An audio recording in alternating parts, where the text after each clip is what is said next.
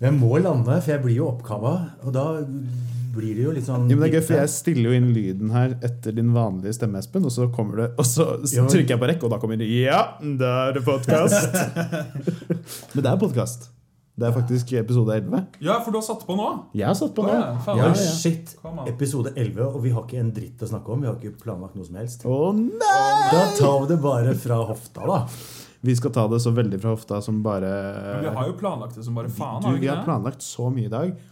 Eh, Det blir en veldig spennende sending, eh, det her. Vi- Jeg tenkte på Vi må slutte å si sending, for det er jo ikke en sending. Vi sender jo ikke dette. Vi sender jo ikke dette. Det er en, eh, en Det blir en episode. jævla spennende episode. Ja, Podkast nummer 11 i og 12 poeng går til ja, og neste runde, neste søndag, da blir det episode 12 poeng går til. Det er ikke så gøy at vi trenger å bruke tid på den vitsen. Men eh, hei til dere, Johan. Yes. Hei, hei. Hei, hei. Espen. Hei, hei, Simen, Johan. Kjekt å være sammen. Det er veldig kjekt å være sammen. Vi sitter her eh, på Tøyen. Kjekt å være sammen. Er du fra Sørlandet, eller hva er det som skjer her?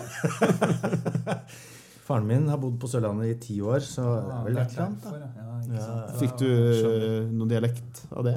Nei, vet du hva? Eh, En god venninne av meg, Turid, eh, sa for mange år siden at Espen, jeg kjenner ingen som er så ræva på dialekter som deg. Er det sant? Så jeg har både blitt fratatt muligheten til å snakke på dialekt. Eh, sangstemmen var det en eller annen som tok fra meg da jeg var tolv år. Hvem da? Så jeg veit da faen hva som er en, en gitarlærer jeg hadde på Rommen eh, skole på Stovner. Vet du hva, Vi kjenner jo eh, gitarlæreren på Rommen nå. Altså han som Han var på rockefabrikken. Ja, Ja. rockefabrikken Hvem er det, da? Det er Markus Vik. Ja. Heter han. Altså, eh, eh, du er jo dårlig på dialekter, men jeg tror kanskje det betyr at du må prøve å ta en dialekt nå. Det er gøy. Jeg, jeg, jeg veit ikke helt eh, hva jeg skal Det er ikke, så, det er ikke ille, det Det der, ikke Espen. dårlig, det der. Espen. jeg bare hørte at det var sånn Jeg prøvde meg en tur innom Stange, for jeg peilet meg inn på Trondheim, eller Trøndelag. Det er en god analyse av eh, høstens valg, det. vil jeg si. Ferdig seg innom Stange før man Nei, vet lander du i hva? Trøndelag. Jeg gruer meg så jævlig til valget. Jeg gleder meg Nei, jeg gleder meg jeg gleder meg skikkelig, for jeg elsker valg. Ja. Men det jeg gruer meg til, er at alt skal handle om fuckings Stange og Trøndelag. Sorry, Stange og Trøndelag, det er Nei, det er ikke så ålreit til Eller Stange er virker som Stange et er Stange. Stange virker som et ålreit sted. Men Trøndelag har jeg ikke så mye til overs for. Uh, Eh, men nå skal liksom alt handle om Stange og Trøndelag, uh, og da merker jeg at da Eller så kan du velge å snu på det og si at uh, altfor mye handler om uh, Per Borten, han har sagt, men han er daud. Trygve Slagsvold. Medum. Vedum. Ja. Du vet hva han heter? Det var hersketeknikk. Jeg, jeg tror det var Det han hører på. Tidligere stortingspresident Olemic Thommessen som kalte han for um, annonserte han uh, da han skulle på talerstolen uh, som Trygve slags uh, mål. ja. Uh, Vedum. Og uh, Olemic eh, hadde vel kanskje en liten tanke med det, skulle jeg tro. Det skal du ikke Han se er bort ikke, han er ikke dum, han. Han er ikke Kjapt spørsmål om navnet til Olemic. Er det, er det, er det, heter han egentlig Ole Mikael, eller er det sånn at det er, bare, er det et kallenavn? Eller er det slik at han egentlig, eller er Olemic et navn? Nei, han heter Ole Mikael. Eh, Han Het. gjør Det. det. var fødenavnet hans, men det er Og så har han tatt et artistnavnet liksom, til Ole Mikael. Tenk om flere politikere hadde gjort det. Tatt seg et artistnavn og Ok. sprita opp debattene med litt sang og artister. Jonas, Jonas Gahr, hva hadde han het? Han er, nei, vet du hva han het? Gar. Ja, Gar, ja! Gar, ja. Med to a-er. Ja, ja. Gar. To Gar og Ja. H. Og så hadde det liksom vært sånn Stem Gar, og så var det sånn sort-hvitt-bilde av Jonas som satt der sånn alvorlig og smilte kjekt i kamera. Det hadde vært jævlig ålreit. Gar. Ok, Solberg, Erna Solberg, hva den het? Uh, solid Nei. um, jeg tenkte på noe helt annet som egentlig ikke egner seg på eteren. Men uh, Trine Skei Grande, da? Um, Det ligger jo kanskje allerede i det navnet. Hun hadde jo kanskje hett Ariana Skei Grande. Det er jo Ariana Skei Grande, ja. Ja. En klassiker, den. Det er en klassiker, den. Men dere, vi skal eh, snakke om Eurovision i dag også. eh, På mikro- og makronivå, forsøksvis. Vi har, eh, altså Temaet for dagens episode er trender og, og hipphet på en måte i Eurovision. Og kanskje da også i populærkulturen generelt. Det å ta i bruk trender eh, for å fremme seg selv, eller å hive seg på trender, eh, og hvordan det både kan slå godt ut og dårlig ut, eh, osv. osv. Spørsmål innledningsvis da til både Simen og Johan. Eh, Når oppstår en trend, og hvem er det som bare hiver seg på trendene? Nå må det komme. Det, Ja. som er, det, er sånn, det er en sånn video i vår vennekrets eh, som er sånn eh, eh, Vi har en kompis som heter Lars, da, som er veldig opptatt av denne videoen. Det er en sånn fra lørdagen, der hvor Dan Børge Akerø har masse folk på besøk i 80-tallsklær og bla, bla, bla. Og så snakker de om trender, da.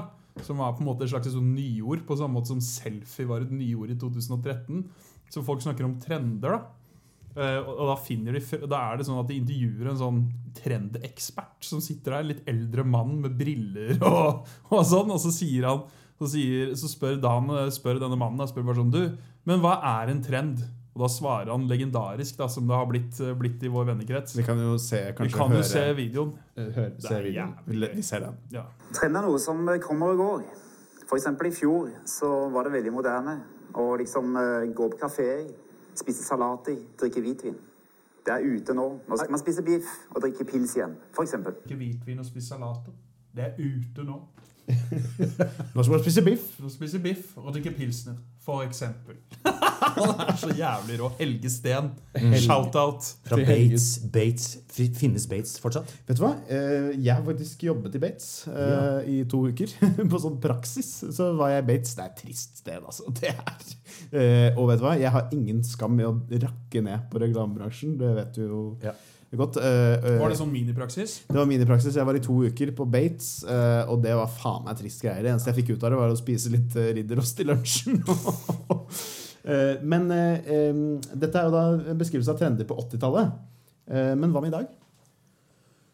Det er vel fortsatt noe som kommer og går, da. Ja. I fjor for eksempel, så skulle vel alle ja, være inne, snakke på Zoom. Det er ute nå. Nå skal, man være, nå skal man være i parken, samle 1000 folk, for eksempel. for eksempel. Men altså um, eh, Men du, apropos trender som kommer og går. da. Ja. Eh, Det har jo blitt eh, en trend i år eh, hos noen å snakke om følelser. Og gjerne gri, grine litt i offentligheten. Men jeg vet at en av de artistene vi skal høre på i kveld, Ja. grein i fjor. Så Tix ligger altså et trendår bak Ja, ja, ja. hovedtrendene. Ikke sant? Eh, det er jo eh, em, Jeg synes jo det som blir fascinerende å snakke om i dag, eller det som er gøy å snakke om i dag, er jo at uh, det er jo egentlig godt at du sier det der med ett år bak. fordi er det noe Eurovision gjør trendmessig, så er det å ligge minst ett år bak. Og det, og det er ganske interessant å se hvordan forskjellige land ligger i forskjellig tempo bak. Det er akkurat som at, det er akkurat som at nå, nå har det kommet Nå har uh, Koffli Annebånd kommet til Sandnes, liksom. og det er tre år etter at det var i Oslo, eller eh, Det er jo helt rått å tenke på. og så var det i New York før det, liksom. Du Tsjekkia er, jo, er jo ikke bare ett år bak, det er ti år bak. De har bare sånn 2009-sanger. Og de er så langt bak at de ikke fikk innpass i denne episoden engang. Men det som er jævla gøy, da, er at noen av landene er så langt bak at om et par år så kommer de å treffe en retrobølge. Det er det som skjer.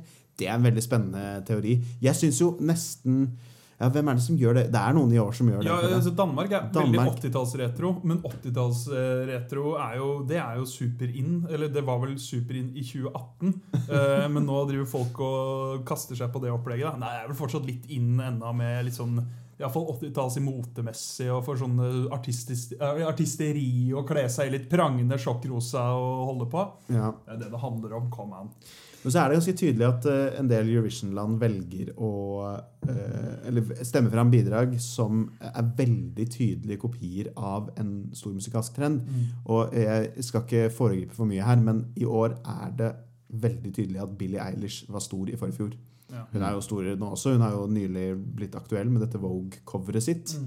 eh, hvor hun eh, eh, Apropos neste episode, så skal vi snakke om eh, third wave-feminisme.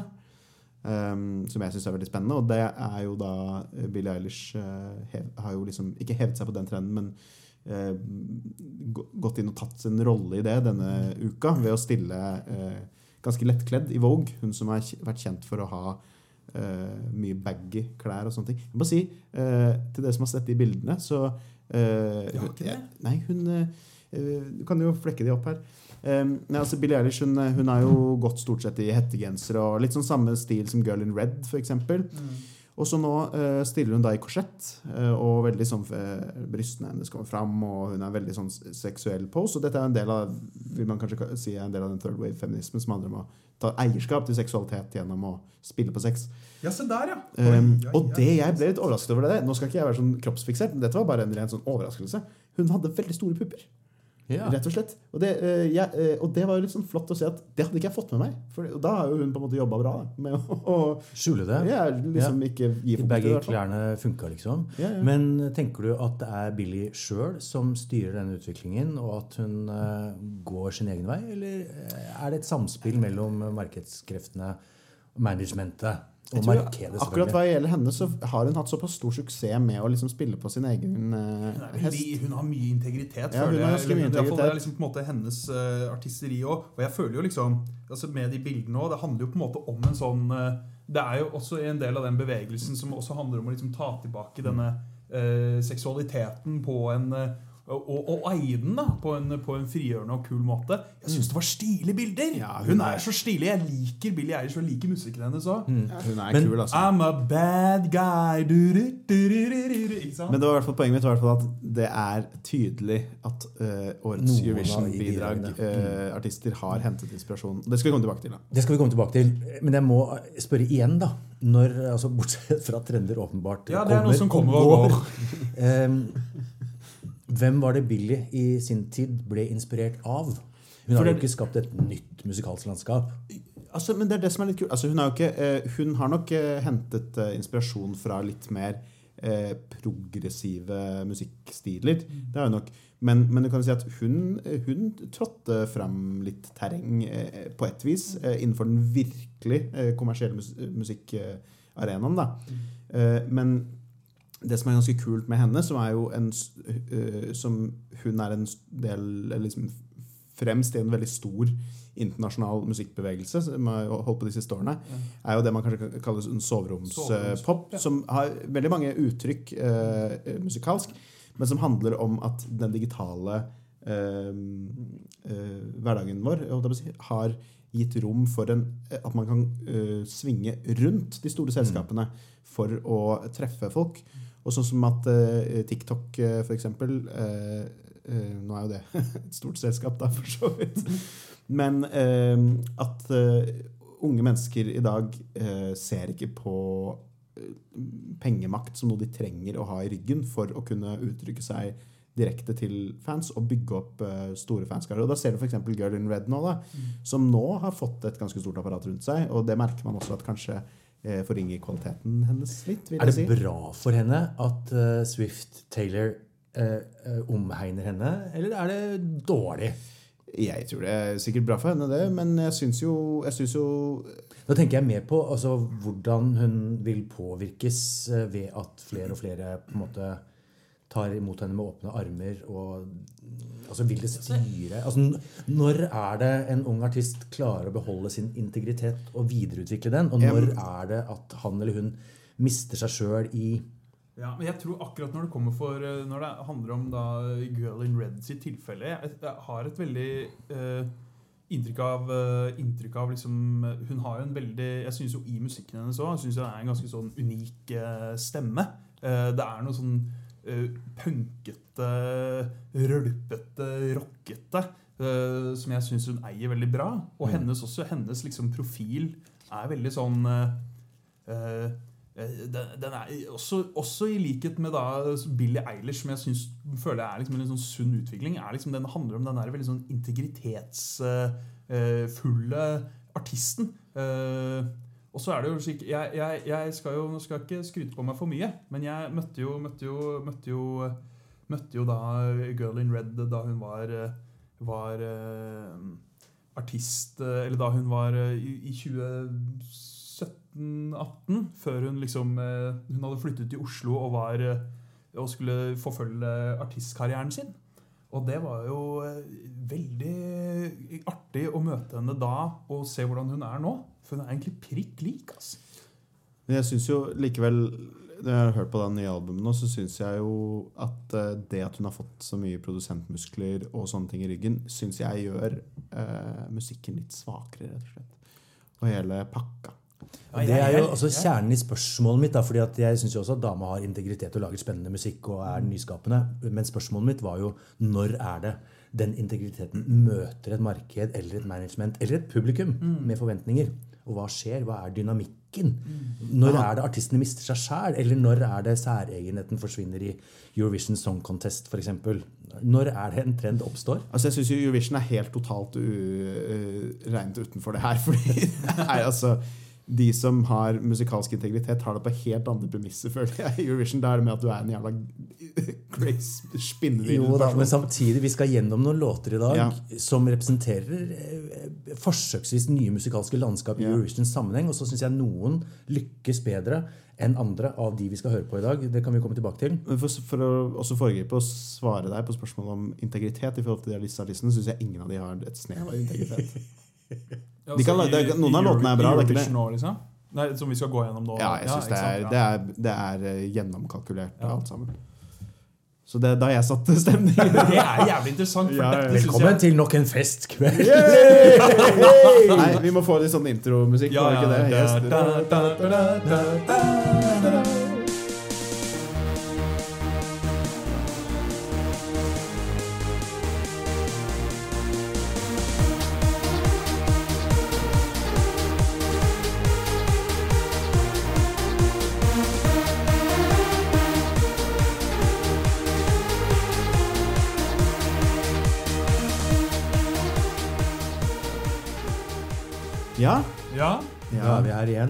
da er vi her igjen. Etter lille trudelutten. Um, du sitter og ser i notatene dine. Hvis, hvis dere skulle velge dere én favorittsnacks å konsumere mens dere hører på podkast, hvilken yeah. snacks? Uh, Mens man spiller inn, eller hører på. Uh, Du kan velge innfallsvinkel. Eh, hvis vi spiller inn, så ville det vært for eksempel den jeg spiser nå, da. Som, som ikke lager så mye lyd, for eksempel. Eh, fordi det er veldig viktig å ikke lage lyd, tenker jeg. Eh, Det er derfor vi ikke har spist snacks siden episode én. Jo da, jeg skal komme clean. Beklager. Det var okay, meg. Jeg spiste to, jeg spiste to M&M's forrige, for, forrige podkast, og det kan sikkert ha dukket opp, og det beklager jeg fra bunnen av balla. Men nå må du høre Vi her. fikk en, vi fikk en litt hard uh, Krass eh, melding. krass melding fra Og det vår setter vi også pris på. Ja, Ja, det gjør vi. kjør på! Her er det Snacks-debatten lever. Men du må bare vite, må bare vite at når du skriver de meldingene, så går det utover eteren. Og det er han som sitter her. Altså det, altså, så, så her har jeg fått, altså jeg har fått huden full. Jeg har Vi fått høre har noe jævlig. Vi har tatt Johan for oss. Eh, Vi har stramma han opp. Men jeg har jo også et annet filosofisk spørsmål som jeg er opptatt av. Ja. Bare for, for the record så var det jo da Knut, eh, Knut Arne. Hei, Knut Arne. Hei, Knut Arne. Hei. Vår faste lytter. Vi er veldig glad for at du hører på. Og du er den som på en måte arresterer oss litt når nå er det for lenge siden siste episode, og nå er det for mye snacks, og nå er, vi, nå er og for vi høy og sånn. trenger det skikkelig. Ja, Men jeg har et spørsmål til både Knut Arne og dere. Ja. Hva er verst? Er det lyden av ostepop, eller av Mårud potetgull, eller av rødvinssipping? Eh, altså Det du gjorde nå, var jo litt nesten litt over sånn ASMR-retning. Som jo også er en trend. Det er en trend. Trend? Ja, ja, ja. Eh, nei, jeg tror jo ostepop skal jeg klare å gjøre som forholdsvis Du kan jo bare la den, du kan la den smelte. Smelte. Ja, jeg tror liksom ting som blir for fuktig i kjeften, som, som på en måte som lager den der, som lager den der, liksom, den der grøtete, grøtete hamrelyden, liksom. Da er det, da er, så det, jeg føler liksom eksempel Mord potetgull kan jo, altså Du får et par sprø knas med det, men så blir det liksom bløtt knask etterpå. Jeg- og det er ikke så digg å høre på. Jeg det har, et, jeg har et tips Ja. um, som ikke egner seg hvis man irriterer seg over knaselyder. Men jeg legger både potetgull og ostepop i kjøleskapet. Det gir en enda sprøere opplevelse. Oi. Jeg lover dere. Altså sånn sprø som i sånn ha-ha-he-he-ho, de gærne har det godt Og, sprøtt, og eller? dette er en trend som oppstår akkurat nå. Ja, fordi nå startet du den. Yes. Sendte den utover eteren. Så det er kanskje svaret. da. Ja, En er person liker noe som ikke andre folk liker, og så kringkastes det. Og så begynner flere å ta etter. Så potetgull i kjølepose Ja, er kjølepose, kjøleskapet er morgendagens trend. Jeg har bitt meg merke i det at, at det at når du tar det potetgullet i kjøleskapet Det har jo fordi vi har spilt inn også Hver gang vi har pause mellom stikkene, så tar Espen og setter fra potetgullet. Og den kalde crunchen. Det er ikke så halvgærent. Du er Nei, klok, du. Det, det Det, er- der, faen, det, det, det tenkte jeg For en entreprenør du er i smaker. Skål for det! Skål for det. Skål for det. Skål for det. Skål, skål for det. Yes. Sånn. Eh, nei, nei, nei, nå er det faen Men vi skal lage en sånn Johan og Espen skal lage en sånn spin-off-podkast som er sånn ASMR-podkast. Ja. Hvor, hvor dere fremfører Eurovision-bidrag som i ASMR-format. Altså ASMR er jo denne der Ja. uh, smattepornoen som jeg liker å kalle det. Jo, men vet du hva Hvor man setter på litt sånn Hello, Ja. Men jeg tror, jeg tror folk hadde På på kvelden hvis, du skal sovne. Hvis man ikke hadde fått liksom Fordi da er, det jo, da er det jo ofte at man ser jo hva de driver med, så de tar kanskje fram et eller annet og holder på, liksom.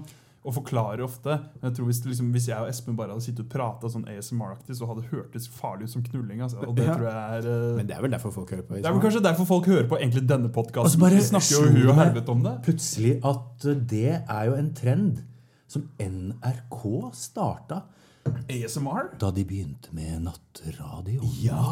Og så har det bare kommet sånne kommersielle nærradioer og sånn eh, som liksom har tatt det til sitt bryst. Altså, det er DJ, hva heter han, NRK, altså. eh, hva heter han sørlendingen, da? DJ Friendly. DJ Friendly på NRK. På NRK P3. Oh, Det er faen det er stemningsfullt å høre på. Altså. Hei, Kjell Bjarne, hvis du hører på i natt, ja, så vit at uh, Turid sitter i Harstad og tenker på deg. Sånn, eller sånn derre uh, Ja, hei eh, til alle menn der ute. Hvis dere har følt dere svikta noen gang, så er denne sangen til dere. Dolly Parton, Stand by Hei, hei til alle menn der ute. Hvis dere har følt dere tråkka på av folk som står dere nær, som heter Maria, og som bor i, i Sinsenveien 3B, så, så er denne til dere. Denne til dere. Glemte minner avdeling.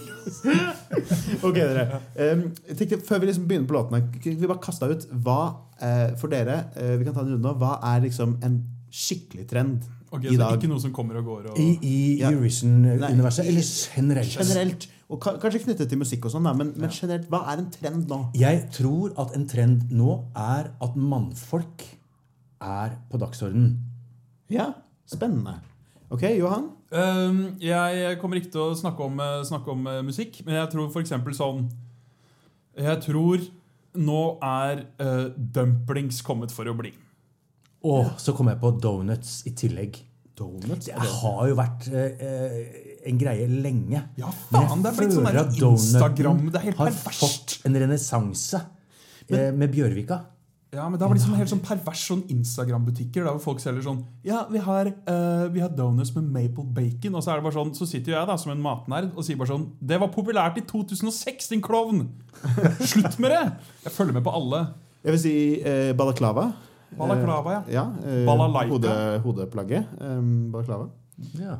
Eh, har blitt en trend. Ja. Men, eh, men hvis du skal tenke på ting som på en måte ennå ikke er liksom ute i det brede laget av befolkningen, men som, som står og dirrer som en trend Det, grunnen til at jeg sa mannfolk, var egentlig fordi jeg tror at vi går inn i en æra hvor følelser kommer til å være en trend. Vi savner klemmer, vi trenger Nærhet. hudkontakt, nærhet. Vi har vært isolert i et år.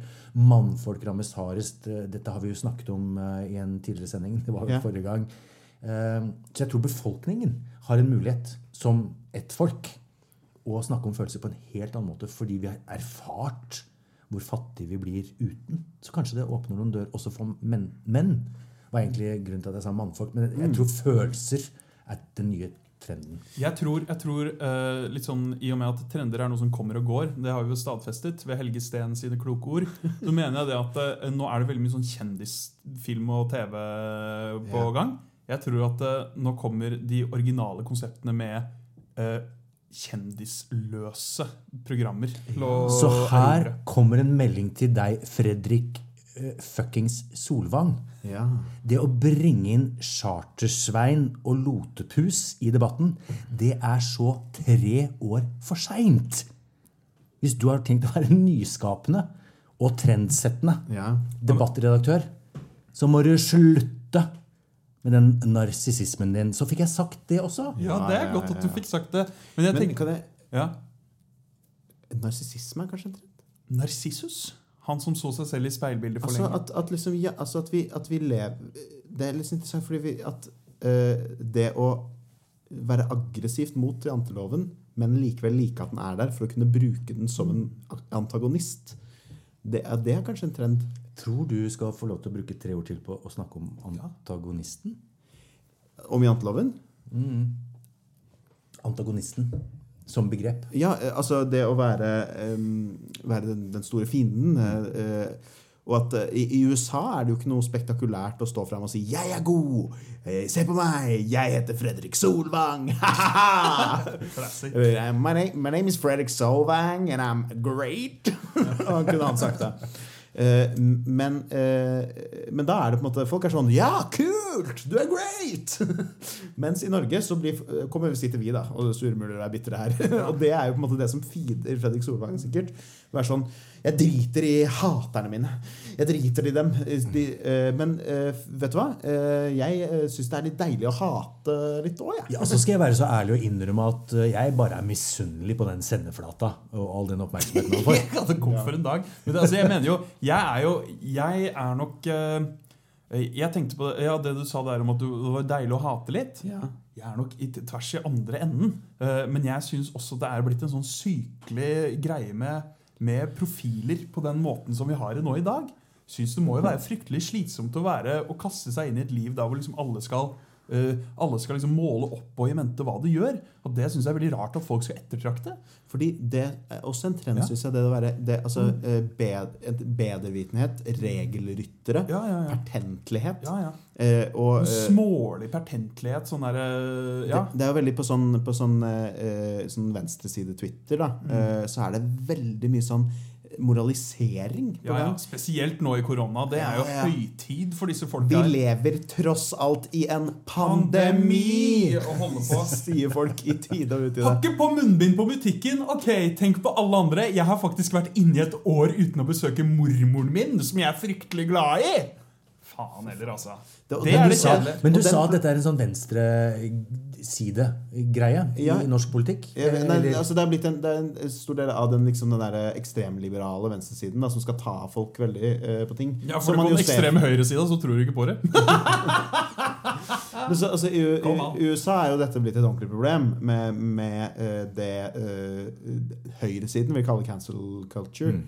Men som egentlig er en god eh, tanke om eh, woke eh, eh, En woke-tankegang, da, hvor på en måte det skal være eh, rom for alle, og at man skal ha eh, At eh, måten vi snakker om Mm. folk på, har mye å si. Men at dette, dette får litt sånn eh, Man tenker at mennesket er eh, så forandringsdyktig at dette kan forandres over natta. Og man tenker at forandring skjer ved å bli irettesatt. Og det tror jeg bare er helt feil. Da. Det er jeg helt overbevist om at er feil. Og så syns jeg det er veldig trist. Jeg velger jo å tenke at jeg tilhører uh, venstresida. Og jeg er skikkelig for fellesskap og tilhørighet. Og jævla bevisst på at hvis eh, vi skal ha fellesskap, så må vi avgi noe. Det ligger jo i å gi plass til andre. Men jeg har skikkelig lite sans for den der eh, moraliseringen som jeg opplever eh, på Og nå, venstresida. og nå syns jeg den begynner å bli plukket opp i eh, liksom det offentlige ordskiftet også enda mer. I liksom mer sånn større debatter. Vi så jo eh, KrF nå, eh, som hadde landsmøte i helgen. Eh, og da at det da var mange KrF-ere som skulle liksom eh, skulle moralisere overfor abort. eh, og Det er helt legitimt av dem å si at de syns SV går langt med uke 22. Abort eh, frem til, altså Selvbestemt abort fram til uke 22. Det er en helt legitim mening å ha, synes at det er for langt. Men når man begynner å drasse inn da sånn derre eh, Åh, dere eh, Liksom sånn der moralisering overfor folk om hvor, hvor eh, Hva skal man si At uh, uke 22, det er ikke noe eh, det, Da er det virkelig ja, mi, min unge i uke 22 Altså Man driver sammenligner, prøver liksom Ja, og snakker, Eh, og snakker om at på- liksom, de som gjør det, har det så lett for det, liksom. Ja, eller i hvert fall prøve å påstå at det SV kjemper for, er at folk skal uh, kunne gjøre hva de vil i uke 22. Men det er jo ikke det det handler om. Det handler jo om folk som har det helt jævlig og har havna i en forferdelig situasjon med uønsket graviditet. At nettopp abortdebatten, da, som nå seiler opp igjen Jeg vet ikke om det er et, eh, en reaksjon på KrF sitt veivalg for jeg vet ikke om det er ett eller to år siden. Men jeg synes polarisering i seg sjøl gjør enhver politisk debatt totalt uinteressant. Det er spennende, og det er viktig å diskutere etikk, rundt et ufødt eh, liv. Og vi er så dritdårlige på det fordi frontene er så steile. Enten så er det kvinnens rett til å bestemme selv, eller så er det å hegne om det nyfødte barn. Som om det er de to eneste nyansene i denne debatten. da. Ja. Nå er vi skikkelig inne på Nei, trender i samtida her. Kan jeg ta en siste en fra det landsmøtet KrF? Som Ja. jeg synes var så, for det, det var da jeg begynte å bli irritert. da For jeg synes jo det eh, Altså, altså eh, det sto altså, om varsling. Det var noen som hadde la frem et forslag om liksom vars, å ha liksom sånne advarsler på sånn vinflasker og sånn. Ja, ja. Jeg bare tenkte sånn Altså, hvis du vil leve livet ditt som en nitrist klovn, og som ikke tar deg gleder eller friheter i dette ene livet du er blitt gitt Altså avhold, hvis du lever avholds, da. er det det ja, ja, jo, jo, men altså hvis du skal komme der og, på, og og kaste på og mase på den moraliseringen på meg, som elsker estetikken på ølflasker Jeg likte også estetikken på røykpakker òg, jeg. Og jeg liker å ta meg en sikkert i ny og ne.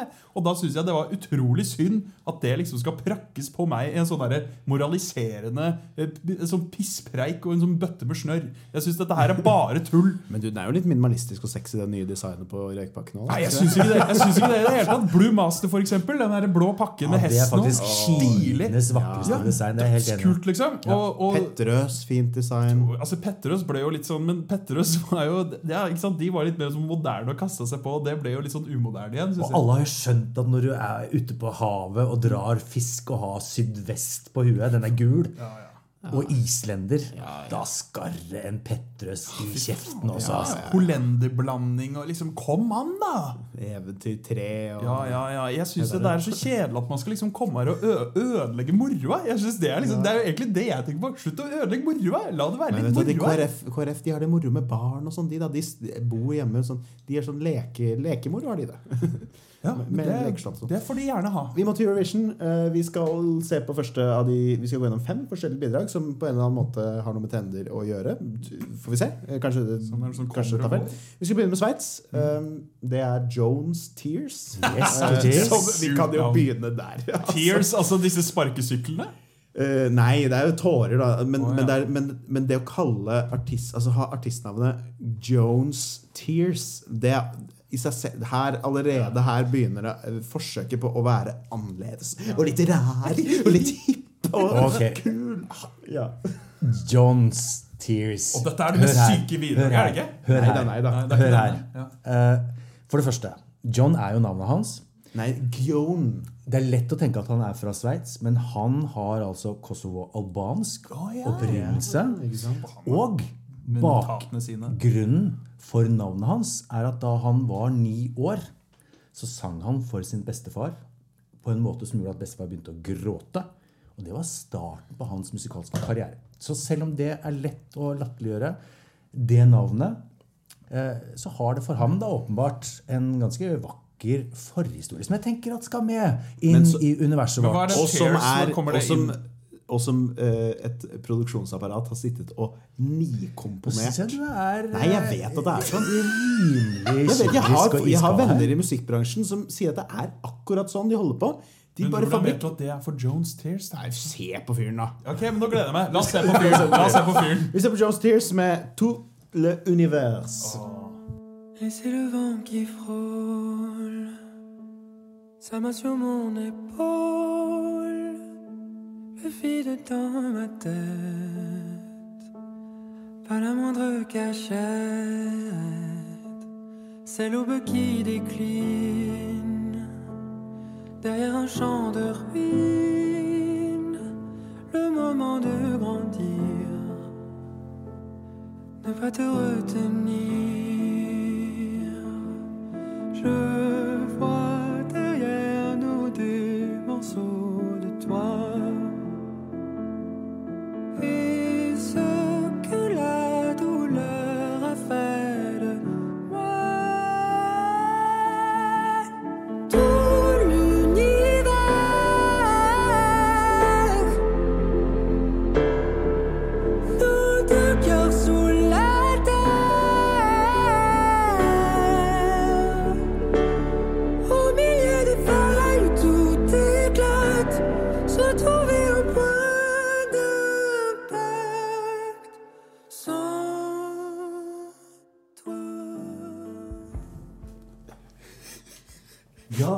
Johan eh, VM Maurud, hva jobber faren din med? Nei da, hva tenker du nå?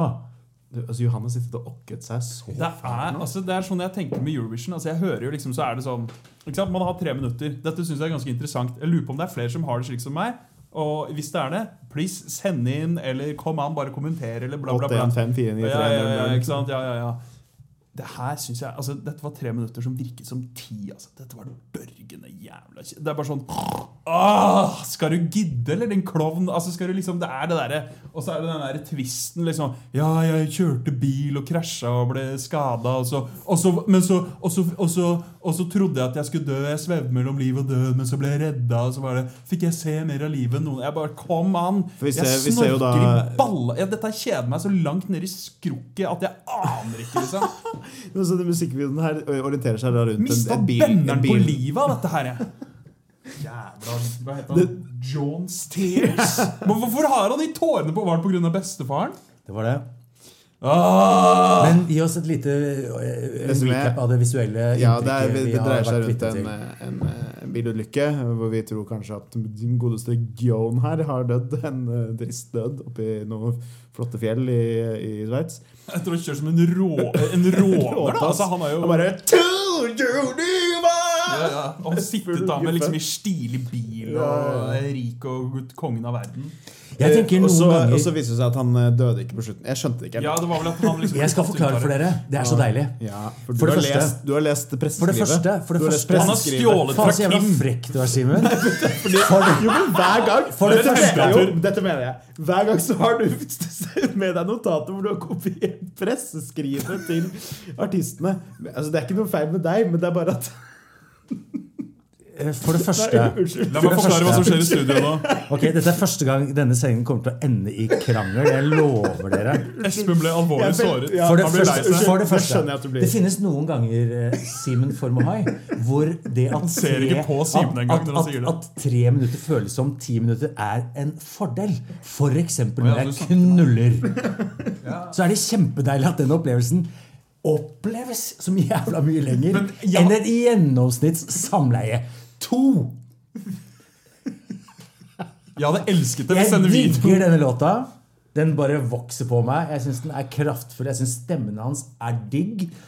Han har laga denne låta på, på Writer minutter. Camp.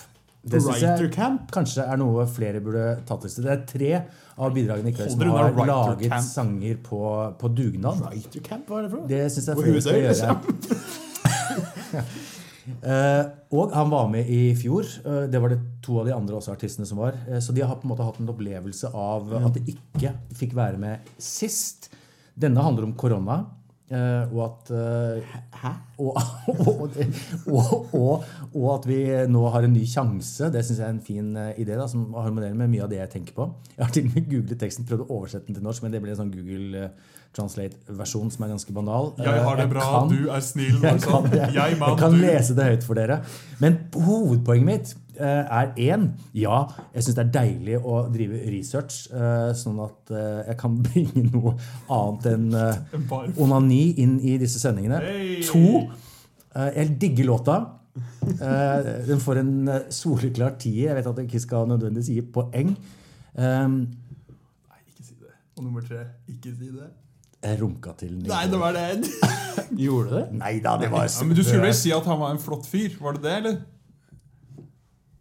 Han syns jeg er en uh, flott som i kunne ha ligget med han. Er det det du Ja, det var vel virka som du var på vei dit. Nei, han er en flott fyr. Uh, men ja, jeg eh, syns også han er veldig kjekk. det tror jeg handler mer om at jeg synes at det er et spennende kulturelt møte mellom at han representerer Sveits, men har en far fra Kosovo og en mor fra Albania. Eller kanskje det var omvendt. Kosovo-albaner, i hvert fall. Jeg har, en, jeg, har en, jeg har en, en ting som kunne gjort dette her bedre for meg. Hvis den videoen, fremfor at det var en sånn bilkrasj, og han opplevde universet da, så hadde det vært veldig gøy hvis han opplevde universet og greia mellom liv og død i et elskov. Og kom Ja. tilbake. Hadde ikke det vært flott? Da hadde jeg digga dritten ut av det. Det Ja, fordi Espen, jeg er en enkel mann. Og jeg tenker bare på én ting! Enhjørning. Men eh, det var ikke meningen å Eller det var jo åpenbart meningen å være litt hard her, men uh, poenget mitt var bare at eh, hvis man uh, går gjennom alle bidragene, så har til slutt alle disse artistene en rørende historie. Og det er fordi det er, som vi snakket om i stad, det er en trend. Grining, åpne seg opp, sånne ting. Og det har alle markedsapparatene rundt disse artistene skjønt. da. Eh, bortsett fra San Marino, som satser på flowride. Men det er noe annet. Eh, og det var, der, det var derfor jeg mente at eh, jeg eh, velger sånn gjennomgående å se liksom bort fra det der. Fordi eh, For han alle har Men denne Men- låta handler ikke skjønner- om bestefaren hans. Den handler om korona, Jeg skjønner det, Simen. Eh, Men det blir litt sånn der smak og behag også, fordi at det står ikke noe mindre markedsføringsapparat bak resten av bidragene. Eh, Selv om du kanskje liker det bedre? Det Nei, men jeg vil si alle, jeg si at liksom. alle bidragene har den samme greia. Alle, alle, men, og det mener jeg. Alle artister i dag forfatt, Dette er en virkelig en trend. da. Alle artister eh, i verden i dag, alle forfattere i verden i dag, eh, alle, alle kunstnere, på en måte, eh, eh, er helt avhengig av å ha en spennende personlig historie for å kunne nå eh, gjennom nåløyet. Og det synes jeg jeg er, veldig, jeg er veldig for å være personlig, det er ikke det. Men når det skal være et, et premiss for å kunne selge et, et kunstnerisk produkt, så syns jeg det er en skikkelig uting da, som vi må bare hardt slå ned på. Og vi begynner med Andreas Haukeland Jo, men, jeg, ja, men, jeg, og Gon, da. men, men, men, men, men lå- du sa låta handlet om korona? Men hva, det bare, Ja, men handlet låta om korona? Det var det den handlet om. Nei, dette året vi har vært igjennom, Ja, ikke sant? eh, og den nye starten Men, som nå står foran, men det med at bestefaren og at han sang for bestefaren før han døde, var, og sånn, har jo ingenting med den låta å Det handlet om Han sang ikke artisten igjen. for bestefaren før han døde. Han sang for bestefaren sin da han var ni år gammel, og det rørte bestefar til tårer. Det var bare en bakenforliggende historie. Det er en så slapp historie. altså Bestefaren min ble rørt da jeg var, av meg da jeg var barn. Hva slags hva ikke, det er jo greia med barn. De rører deg hele fuckings jævla tiden. Jeg, ble, jeg, jeg, Det er veldig gøy. jeg, Man kan- man jeg kan onkel nå, jeg er onkel nå til, til, til, til tre fantastiske kids, og de rører meg altså gang på gang på gang. Beint etter og beint etter. Og så er det Eurovision. Eh, Og de skal, de skal få Og de skal alle deres navn skal Kanskje være du, kan hete, blir, kanskje du kan hete Johan og alle barnebarna? ja, ja. Det altså men det som kommer til å skje, er at uh, din, eh, din uh, uh, niese, eh, Ja. Eh, som eh, jo er eh, ung i dag, Ja. hun kommer jo nå til å få gjennom sin mor, som vi allerede har etablert at har Ja. Eurovision-interesse, Mm. og deg, da, Ja. så kommer hun til å begynne å interessere seg for Eurovision. Mm. Og så blir hun god til å synge. Tears etterpå. Hun heter Peep Tears.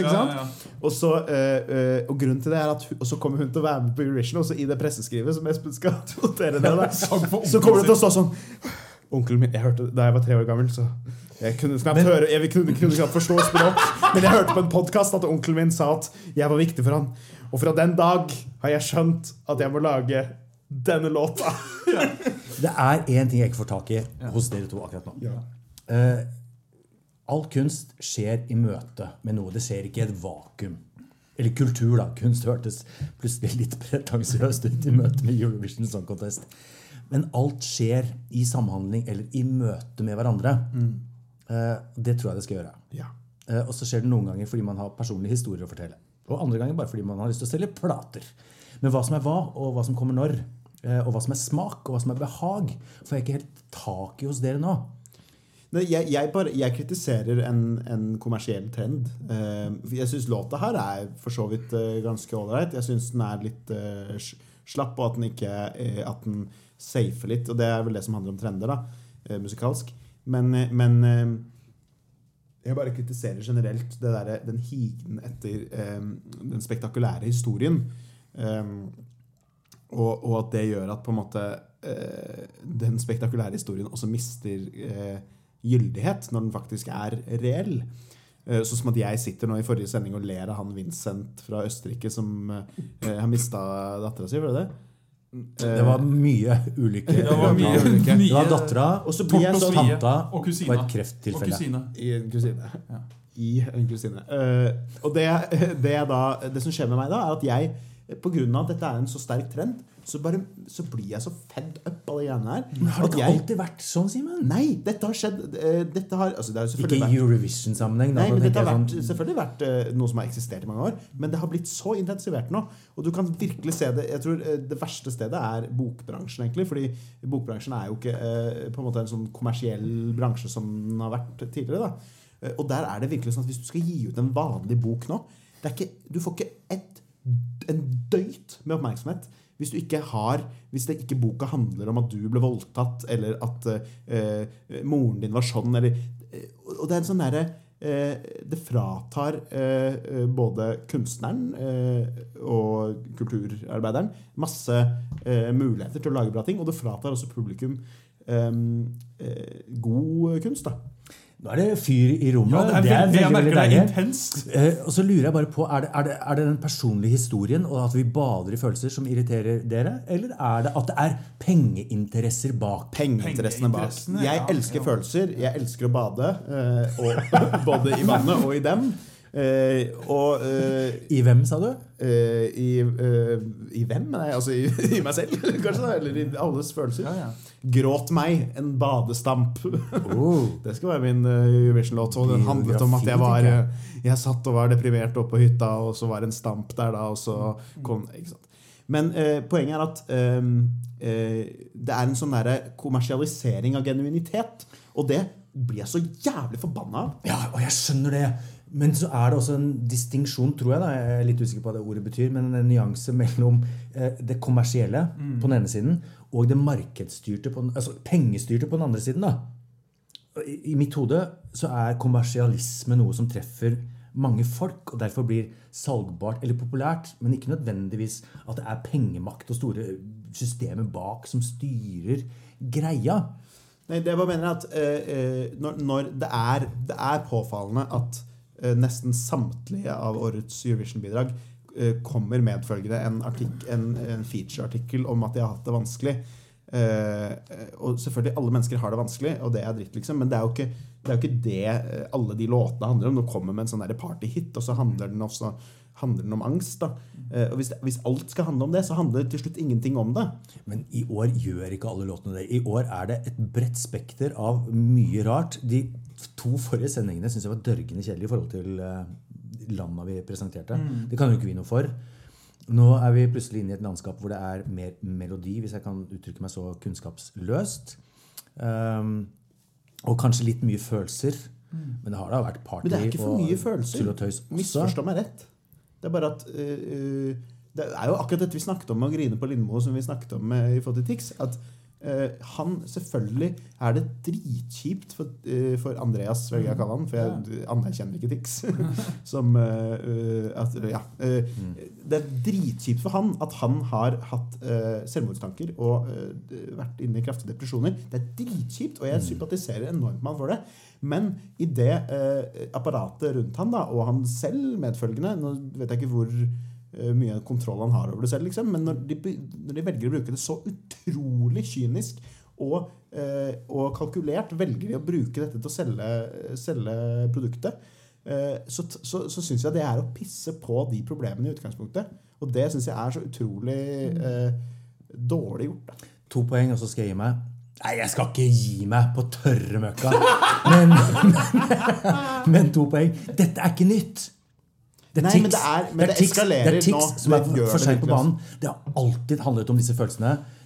Men I fjor var også psykisk helse eh, framme i Men er du ikke enig, bidragene. er du ikke enig at liksom etter Knausgård-bøkene, for eksempel, hvor det da virkelig åpnet opp det derre eh, bruke sitt eget liv som historiefortelling, eh, det har jo eskalert enormt. Det er jo ingen lanseringer av et kulturprodukt i den brede eh, arenaen nå. Hvis du ikke er, er superkjent fra før, så er det ingen sånn gjennombruddsprosjekter som kommer med eh, Som kommer uten den der pakka på sida. Se på Girl in Red, eksempel. Se på Musti.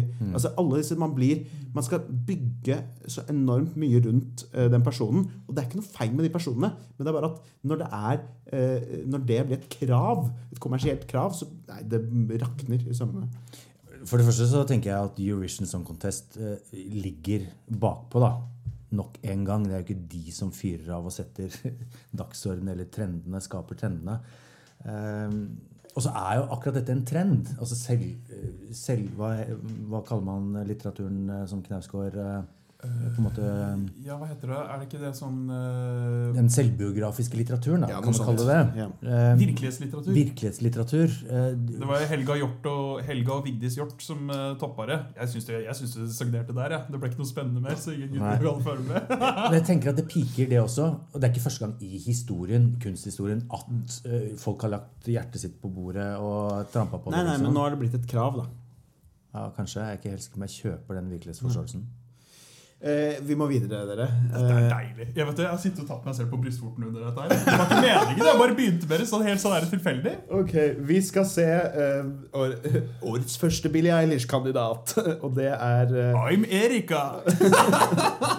Ikke sant? Ja, nå skal vi til Bulgaria, skal vi ikke det? Vi skal til Bulgaria.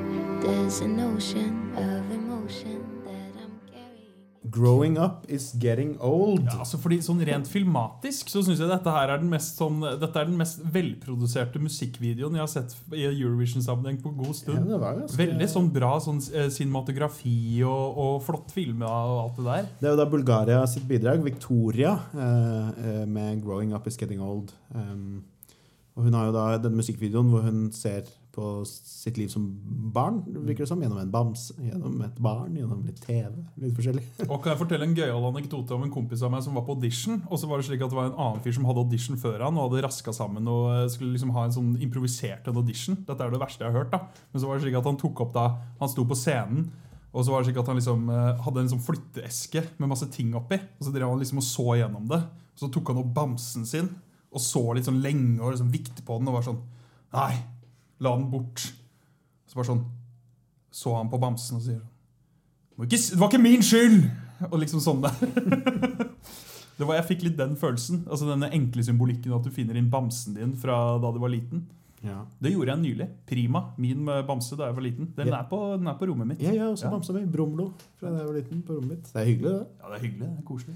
Men hvis Smiler, eh, overskriften er trender, Ja. hvilken trend er det Victoria prøver å treffe? Jeg har, jo, jeg har jo valgt ut eh, låtene her i kveld til eh, denne sendingen. Og jeg, jeg valgte jo da bevisst å ta med tre låter som jeg mener alle prøver å hive seg på Um, jeg vil kalle Billie Eilish-trenden. da, og Det er jo en bred spekter, men det er en sånn type Det er en måte å synge på, det er en måte å produsere vokal og koringer og sånne type ting på, som er veldig hekta på denne litt sånn nye eh, nye kvinnelige soveromspop-artistlivet. Altså, det var egentlig bare det jeg ville løfte opp Jo, her. men jeg, tenker jo liksom akkurat liksom den sounden og den måten å synge på husker, jeg, Den har jeg kjent igjen fra liksom lenge før Billie Eilish. Den Absolutt. derre Hi, my, nice, Lord er Ja, sånn lord og sånn. Hi, nice. At liksom, man liksom tar, og, liksom tar og legger på en sånn Y-vokal på slutten av alle, alle ord du har. Jeg synes dette er et klassisk eksempel på sånn Eurovision som tar opp i seg trender som var liksom tre år siden, egentlig. Eh, og så er det jo en forholdsvis fin låt, og hun synger jo bra og ser heller ikke ut som en hobbit. Ja, den treffer, og den treffer meg jo treffer meg jo godt, den tematikken. Altså det der, og, altså man, altså, for man blir jo eldre, og ikke sant, rock'n'roll, og, og, og hvor ble dere av? Og faen, du var liten en gang, og bla, bla, bla. Ikke sant? Mm. Denne låta minner meg også om America sin uh, låt. Ikke sant? Og hun er også innenfor det der segmentet der, da. Da må jeg bare for det første si at eh, jeg er en sucker for eh, nostalgia. Jeg liker den låta veldig godt. eh, Og det gir meg en anledning til å si til det norske folk Dere tok et valg. dere valgte Andreas Haukeland sin låt Ja. 'Fallen Angel', som ikke passer inn i verken tid eller noe som helst univers. Og det er nesten så jeg vil på en måte berømme Tix for på et eller annet nivå. Da, at den låta ikke eh, Jeg syns jo det blir jo litt kjedelig, den er jo ikke så bra, liksom. Men det, det er jo i hvert fall eh, på et eller annet nivå prisverdig at selve låta ikke er så skal være så forbanna trendy. da hvis jeg, Han lager en boyband-låt, på en måte, og det, det står det på en måte respekt av. Det vil jeg også si om Uku Suviste, fra, fra, fra, som jeg klikka på her i forrige sending, fra, fra, Altså fra- Estland. Ja, han med, som, han med kjettingen og Han, ja, han kjørte også på sånn 'dette er boyband-låt'. Ja. Eh, og så- og det syns jeg er en ærlig sak, da, på et vis. i hvert fall Selv om han er, Låta er en ærlig sak, liksom. Ja. Ja, ja, ja. men, mens her er det eh, bra låt, men igjen syns jeg, jeg synes det legger seg et sånn lag oppå av kalk, litt sånn kalkulert sound, da. Som gjør at jeg på en måte eh, sliter med å nå inn. eh, nå inn til det. Ja. Ja, fordi du, du kjenner igjen denne sounden fra liksom fra Masse som, populærmusikk, populær ja. nå, ja. ja Eh, på en måte som ikke er på en måte at det bare, at det bare er populærmusikk, men man på en måte spekulerer i at dette har blitt veldig denne typen låter har blitt populært, så da gjør vi det også i Eurovision. Så da handler det om å kaste seg på en trend istedenfor å Ja. skape en trend. Ja, ja. Kan, jeg, kan jeg spørre om eh, et, Kan jeg komme med et forslag? Mm. At vi ganske fort nå ser Romania sitt bidrag, og så sammenligner disse to. Ja, det er For jeg synes det er litt interessant å se, fordi jeg føler at de begge to har kasta seg på veldig samme trend. Um, hvis vi kan se det med en gang, så kan vi snakke litt mer om Bulgaria her òg, men å sammenligne Da har vi altså Hvis du skulle si vulga, vulga, Vulgaria. Vulgaria.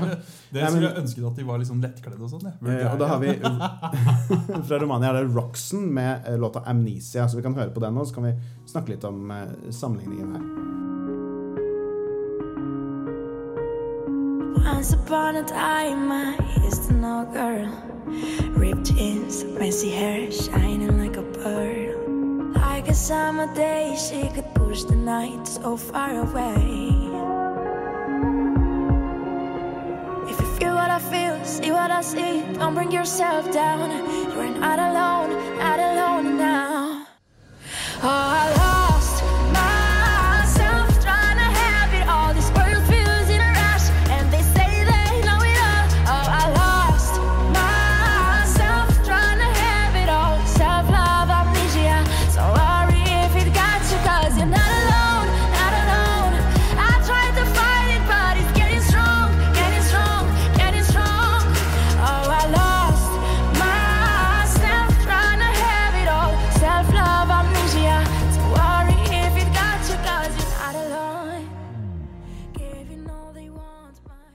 Så vi ser jo her eh, Roxen eh, med noen dansere, og hun, hun har jo gått for eh, det synes jeg er interessant, at Hun har virkelig gått for Billie Eilish-looken med baggy hettegenser, litt sånn eh, farget, litt rotete sveis. Hun er jo lit, litt sånn liten, ung jente. Eh, og det, bare Apropos det vi snakket om i stad Billie Eilish. Dette er et veldig tydelig eksempel på at her ligger vi noen år bak. fordi Billie Eilish er jo nå eh, Hun har farga håret blondt og står i korsett på forsiden av Vogue. Og det gjør jo ikke akkurat Roxen her. Vi får se neste år, kanskje. Men, eh, men hva syns dere om disse to låtene opp mot hverandre? Nei, jeg føler, jeg føler jo at dette her er jo låter på samme album av samme artist på et eller annet vis. Da, Ja. ikke sant? Så liksom Der hvor første growing up, Is Getting Old' Så er liksom det kanskje den, sånn det rolige alibiet i albumet. Så er kanskje dette her, da, 'Amnesia', er litt mer den, der, den litt mer uptempo, eh, dansbare, mørke oppfølgeren i plata. Mm. jeg syns jo Eh, når det er sagt, da, så syns jeg jeg er jo uh, uh, Jeg er jo også en sucker for litt mer uptempo-låter i Eurovision. Jeg syns jo denne her var litt sånn døll, da, men, men, men, men, men den, den svingte jo litt med de danserne og sånn. Ja. Det var stilig cinematografi i det, det her òg. Det var høy produksjonsverdi på denne videoen òg. Siden vi snakker om Billie Eilish-kopier, eh, så tenker jeg at eh, Romania kommer dårligst ut av eh, Absolutt. disse to sammenligningene. Og det er fordi at jeg syns hun blir en dårlig kopi eh, som bare forsvinner inn i et gjørmete landskap. Mens eh, Romania eh, appellerer mer til meg. Det var et eller annet i den Bulga Bulgaria, unnskyld. Ja. Eh, Men ser du, ser du den likheten jeg prøver å sette jeg ser absolutt den likheten. Og så syns jeg kanskje at eh, Bulgaria treffer mer på originalitet. da, Og en egen stemme. At Victoria gir meg noe som er mer Victoria. Ja. Jeg aner artisten i Ja, litt ja. større grad enn Roxen fra Romania. Romania. Og det, men det er jo interessant det du snakker om med måten å synge på, Johan. At det er den derre Oi, Oi, moi, doi. Men, men mens vi hørte på låta, så satt jeg og tenkte på forskjellen mellom øst og vest. Ja. Eh, altså i Eurovision-sammenheng. Eh, dette blir litt synsing, for jeg har ikke hørt alle låtene ennå. Eh, men det virker som om eh, det landskapet vi går gjennom nå, og de landene vi går gjennom, eh, som i hovedsak er østeuropeiske land, tradisjonelt sett, mm. har fanget opp noen musikalske trender som de i og for seg kopierer, da, så den kjøper jeg. Men at de plutselig har overtatt en rolle som kanskje Vest-Europa tidligere hadde. Absolutt. De har jo eh, Jeg opplever at de satser mer da, på å prøve å, å produsere fram artister. Eh, mens Vest-Europa har kanskje bare gitt litt opp. vi, snakket, jo- og vi så jo på Tyskland og, og Spania og Storbritannia, og det var jo et, eh, det var en liten bukett av diverse rare ting. Kan Eh, ikke snakke om Tyskland. Trigger meg. det trigger deg. Ja, men jeg husker at Da vi snakket om Tyskland, så var jo en del av dialogen vår rundt om eh, hvorvidt de bare hadde gitt opp, eller om dette var ironi, men at vi ikke helt hadde skjønt at de gjorde narr av Eurovision. da. Eller kanskje bare det at nå er ikke Eurovision gøy for oss lenger, så nå er vi litt useriøse i konkurransen. Som på en måte fostrer en ny type stil i eh, de, de store landas eh, Eller i, i, ikke i store land, men i, i Vest-Europas eh, bidrag i Eurovision. Mm. Eh, jeg lurer på, eh, nå, nå er vi først så godt i gang. Kan vi liksom bare juve løs på den tredje Billie Eilish-kandidaten her? Så får vi, og så kan vi oppsummere litt av de tre etterpå. Eh, I min eh, lille Billie Mitt lille Ja, for skal vi til. Australia, da. Nei, det skal vi ikke. Eh, vi skal til eh, godeste eh, eh, Kroatia.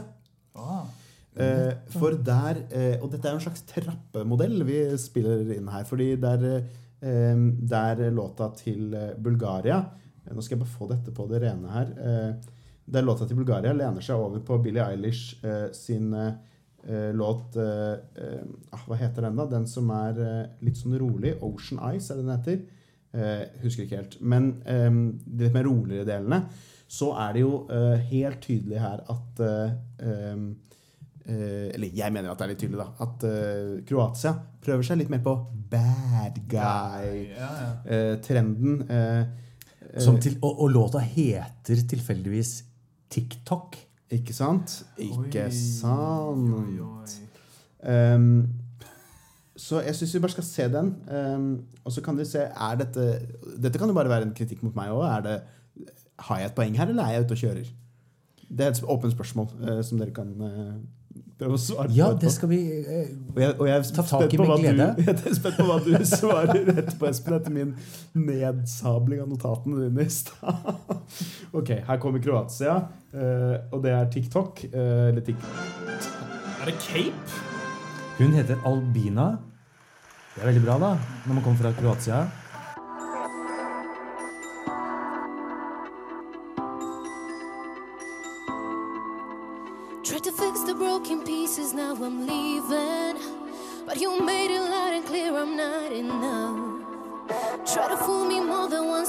Me dreaming.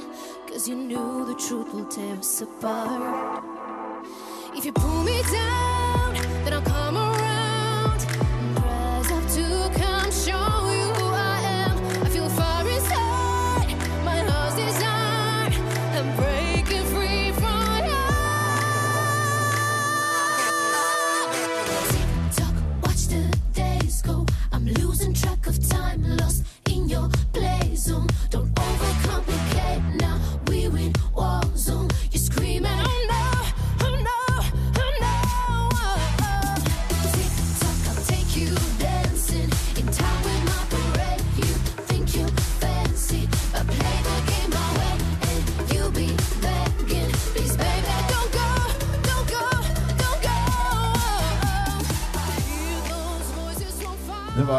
litt, eh, det er litt eh, diskusjon Uenighet. her, uenighet her om Nok en egentlig- gang! det Dette har jo vært dette, denne, denne episodens uh,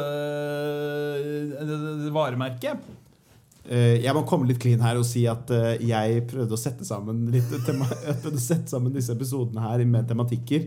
Eh, og i jakt på eh, trender så havna denne inn i Billie Eilish. da Og det er jo dette refrenget hvor det er liksom TikTok, what you, I'm a bad guy. Ja, ja, ja. Men- som jeg ville, var ute etter. Jeg, jeg, ser at dette kanskje ikke er helt uh, i Billie Eilish. For dette er jo mer liksom Hun, hun, hun driver jo Hun gjør, har litt sånn Fordi det som jeg syns er med sånn eksempel denne låta her har jo veldig liksom de der diva-faktene i det at hun liksom har noen high notes og tar hånda frem og, Ja. og gjør en litt sånn «Æ» med hånda frem og, og holder på, liksom. Så det er hadde hun enda gjort det med din stemme, så hadde jeg kanskje giddet å lytte ja, til dama. Mm. Jeg skjønner, For jeg syns også låta var dårlig. Altså. Jeg tenker at du har gjort en god jobb med å eh, velge fem bidrag som forsøksvis eh, sier noe om trender. Ja. Så jeg har, jeg har ikke vært så opptatt av Billie Nei, men så spennende. Men hva har du tenkt? da? Eh, har Jeg har tenkt det? at eh, Men det er jo også det man gjør når man får en oppgave. Ja, ja. Temaet er trender. Så, så har jeg tenkt ok, er det noe nytt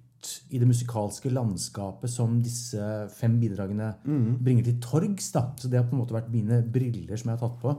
Eh, og så har Billie Eilish vært underordna. for jeg syns at alle bidragene, faktisk Dette trenger en nyanse, men jeg syns at alle bidragene på en måte bringer noe forsøksvis nytt til torgs. Altså som i at de forsøker å få til noe, selv om det for mange av dem kanskje er eh, en kopi av Billie Eilish eller ligger tre år tilbake i tid. Og hva, Espen Kvark Kvernberg, er det eh, Kroatia prøver å få til her? Og akkurat dette bidraget Ja. kan jeg ikke være tydelig på hva de prøver å få til, fordi eh, jeg syns låta er eh, horribelt dårlig. Ja. Jeg syns hun synger helt jævlig. Og at låta er eh, et forsøk på mm, å treffe en slags eh, populærmusikkultur av i dag. Men det er produksjonsmessig så bakpå. Det er så lite nyskapende, og det er dårlig artist eh, og dårlig låt eh, og dårlig framføring. Jeg har prøvd å finne forsonende ting. Eh, og det ene forsonende med låta er scene, altså det visuelle. Og det andre er at eh, hvis hva, hva er det vi ser visuelt da? Nå tenkte jeg på designet på scenen og det som spiller bak. Eh, Don't go, eh, eh, teksten kommer opp på skjerm i heftige tilbakeblikk og sånn. Eh, Don't go tror jeg er et av ordene hun sier. Mens jeg har tenkt at åh, kunne det bare ha stått på den veggen Please, fuck off. i- Istedenfor. Og når jeg kjeder meg, Ja. eller ikke finner ting appellerende, så begynner jeg å leite etter det som kiler meg på pungen. Ja.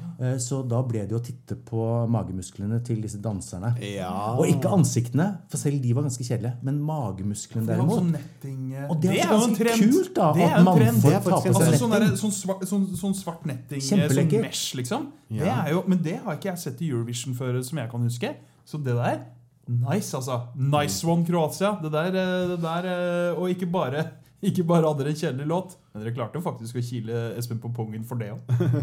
Jeg syns jo, jo det det kanskje Hva gjelder trender her, da, så syns jeg jo det er egentlig en litt sånn klassisk Eurovision-artist. Eh, litt sånn, eh, sånn listefyller på Eurovision som prøver å være litt kulere enn hun egentlig er. Og jeg ville jo, jeg ville jo sagt eh, eh, til Albina, som hun heter, at eh, faen, kjør på med altså Kjør litt mer sånn classic. For det føler jeg at det er noen andre, noen andre artister i år som gjør. Som kjører litt mer sånn på den klassiske eh, Du snakket om Diva-låten, liksom. Vi husker jo altså, Fuego fra eh, Kypros eh, eh, for eh, et par år siden. Ja, faen, den er. Eh, og, som er liksom den der klassiske ah, dette er, 'Jeg er en Eurovision-diva'. Og kjører på fullt på det. Men her prøver hun liksom safe det inn med da, dette Billie Eilish-aktige refrenget. Eh, og liksom gjøre det litt, litt sånn kulere sånn da, da, wa, ah. Og, jeg, jeg, jeg, jeg Og det faller av- gjennom, da. Av alle de fire vi har hørt så langt, da, Mm. så har både uh, John fra Sveits uh, med kosovo-albansk bakgrunn, uh, vår venn Victoria og Roxanne Nei, Roxanne var ikke Rox. Roxen. Roxen. Roxen. Roxen. Ja. Noxen. Roxen. Jeg- der ser jeg glimtvis personligheter. Ja. Det gjør jeg dessverre ikke her. Nei. Jeg har glemt den låta her litt, jeg. Roxen? Bare... Nei, den låta her. Den låta her, ja. Og det er ikke så rart. Så Kroatia Tolv poeng! Et forglemmelig øyeblikk. Ja. Vi skal, vi skal da uh, ta siste låta på programmet nå, uh, og det er eh, Australia, som, som jo kom som en storm inn i Eurovision i 2015, hvis jeg ikke tar feil. Og hva het den, der, hva het den første den de hadde? Ja, den var ikke så dum. Den var kul. altså Australia Eurovision 2015, tenker du på? Ja. Det var jo da selvfølgelig Guy Sebastian ja. med 'Tonight Again'. Ja. Den var jo ikke så dumt, da. Eh, I don't want tomorrow. Oh, baby, tonight's so good. Tonight's so good. Ja, den er kom- den er ikke dum. Jeg husker Det var veldig en trend da, for øvrig. Ja. Eller to år før det. Ja. Det er sånn Bruno Ja, sånn Mars-greia. Ja, Ja, ja, ja, ja. sant det. Jeg husker, jeg husker, jeg bare Bruno Mars eh, to apropos trender, at da um, Australia først deltok i 2015, eh, som du sa, eh, så var det en sånn allmenn frykt for at dette herlige landet Down Under skulle feie Europa av banen. Mm. Med alt de har av personlighet og en deilig kultur. Men de har jo aldri vunnet. Men de har gjort det veldig bra. De har gjort det bra ved et par anledninger. Hva hadde skjedd hvis de vant? Men nå kommer de faktisk ikke til Rotterdam. Ja, så så delta, liksom? Montagne skal eh, gjøre det et eh, opptak. Jeg er litt usikker på om det er det samme opptaket. Men hva, men hva hadde skjedd hvis vi hadde vunnet? Hadde det vært Eurovision i Australia der? Det er et godt spørsmål. Det har vært kult for oss, da, for da må vi jo dit. Ja, det, det måtte vel blitt der, da, kanskje? Jeg vet ikke. Mm. Men, vi skal se i hvert fall Eller hva skulle du si, Espen? Nei, bare i halen på det du spør om. Eh, de kommer ikke til eh, Europa. Nei. Så hvorfor skal vi gidde å komme til dem? Ja. Og det har jo sikkert noe med korona å gjøre. De har jo hatt strenge innreiserestriksjoner. Men det er klart at det koster mer også å dra 30 kvinner og menn fra Australia til Europa. Så hvis vi skal snu det hele og sende 40 deltakerland til Ja, ja, ja. Australia, så vil det jo sprenge noen budsjetter. Absolutt. Eh, Men vi kan se da eh, Australias bidrag i år, og det er Technicolor med artisten Montagne. Og jeg, jeg, bare kjapt si, eh, fordi hun har også live, eh, en live-versjon. Eh, Og vi, det vi jo kritiserer, eh, både vi, men også, på det adresseprogrammet til NRK, det vi kritiserer sang eh, innimellom sangegenskapene. Og det er nesten bare på de som har live-videoer. Og der mener jeg bare at eh, her blir, blir lurt. For jeg garanterer dere at brorparten, eller i hvert fall en del, da, av de som har eh, disse flotte studieversjonene, de klarer ikke å naile det der live. Men jeg syns eh, Montaigne her, hun, eh, hun, gjør, hun har en ganske vanskelig låt å synge og gjør et godt, ærlig forsøk på å få til dette live. Så vi kan høre hvordan det høres ut.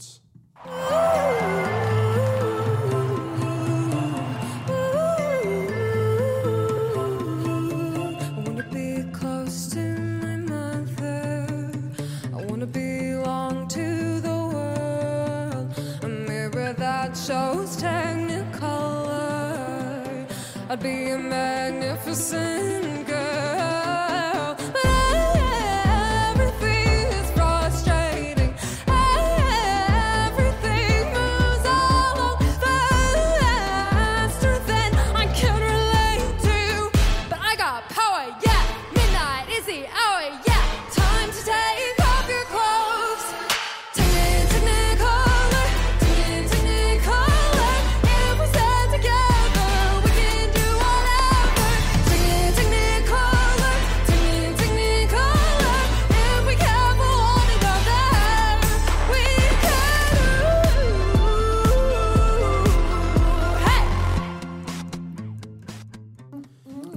Technicolor, var ikke det en skolerevy? Eh, Jo, jo Fagerborg-revyen 2008. det var det. vet du. Vant ikke den eh, til og med Jo, revypris? jeg tror kanskje det, det var, De hadde jo liksom sånn De hadde en sånn trio med seksere. Det var, det var Ja, ja. Technicolor, og så var det et eller annet Fantasia. Nå blir det veldig, For de lytterne som ikke har noe forhold til skolerevymiljøet, så blir det veldig nerding her. Men vi er jo alle tre, kan vi jo avsløre eh, for dere. Barn av skolerevyen. Ja, vi er jo veldig glad i skolerevyer. Det, har vi jo, det er noe vi kan snakke om en gang, men jeg syns jo skolerevyer og Eurovision har noen sånn tangeringspunkter i forhold til eh, Man kommer sammen, man er forskjellig, det er energi. Det er ja, alle disse tingene. Det kan vi snakke om en annen gang. Og dessuten så er det jo også gjenbruk av uh, trender. Absolutt. På godt hold. Men jeg er enig i at vi ikke skal snakke mye om det nå. Ja. Eh, Kanskje komme tilbake til det. Men Fagerborg, hva skjedde? Hvor ble dere av? Fagborgrevyen, som var den eldste skolerevyen i landet på det tiden. Den hadde André Bjerke var revyskuespiller. Det er jo ganske vilt. Nå er det jo blitt Blindern, men eh, i det var to-tre år hvor det var Fagerberg-revyen. For det det var- da Fagerborg og Berg ble slått sammen. Det ble barneskoler, rett og slett. Eh, eh, Det er ikke så mye verre enn det. Men herregud, la oss snakke om låta, da. For dette her er jo For det som jeg syns er interessant her nå, da altså, Det kan hende at jeg er en klovn og ikke henger med på trender. Men jeg synes at, øh, at, at øh, Montaigne øh, bringer noe ganske nytt og fresht på bordet. Her kommer hun i, i, med, både med hennes stemmeprakt og musikalske uttrykk, men også med hennes eh, måte å, å danse på, og hennes dansere. Og hun, er, hun har hår under arma, og det er Rødt, kort hår. rødt, kort hår. Jeg synes dette her var både liksom, Dette her er et ganske friskt pust, for dette er ikke noe som jeg føler jeg har sett så veldig mye av. Og så syns jeg låta er helt bunnfet. Altså. Ja, den er veldig kul. Er ikke hår under arma litt sånn uh, 2018, eh, Johan? Ja, så det er det et par år etterpå. Ja. da. At det, altså, det er jo uh, noe vi har på kroppen. da. Det er, sånn, det er, det er litt Så jeg vil ikke sånn, si kanskje si at det er en trend. er ikke kukk litt sånn 2016, Espen? Men, eh, men det er jo men absolutt det, det å eh, Den, den eh, Hva skal man si Måten å fronte feminisme på, da, den slo jo kanskje ordentlig ut i eh, det brede lag av befolkningen for et par år siden. Så var det ikke slik at Hun bygde jo ikke opp hele sangen og nummeret rundt at hun hadde hår under armene. Jeg har Men- hår men- under men- men- armene! men Jeg har grunnen til at hår jeg under armene! velger å spørre om det, er jo at jeg også registrerte at hun hadde hår Hun under jo, armene. hun spiller jo på det. Så hun spiller på det, og så syns jeg Jeg syns dama er kul. Ja. Jeg syns stemmen er kul. Jeg syns låta er totalt uinteressant. Er det sant? Ja, det er Og jeg blir skikkelig engasjert av denne låta. Ja, jeg synes også det. altså Jeg digger den. Jeg syns den er knallbra, den låta her. Den har ingen utvikling, ingen stigning. Eh, klimaks handler vel egentlig om at hun sier 'la oss ta oss klærne'. Nei, hun sier cloaks. Å ja, da er det Er det, Det er dårlig diksjon, da. Skjerp deg.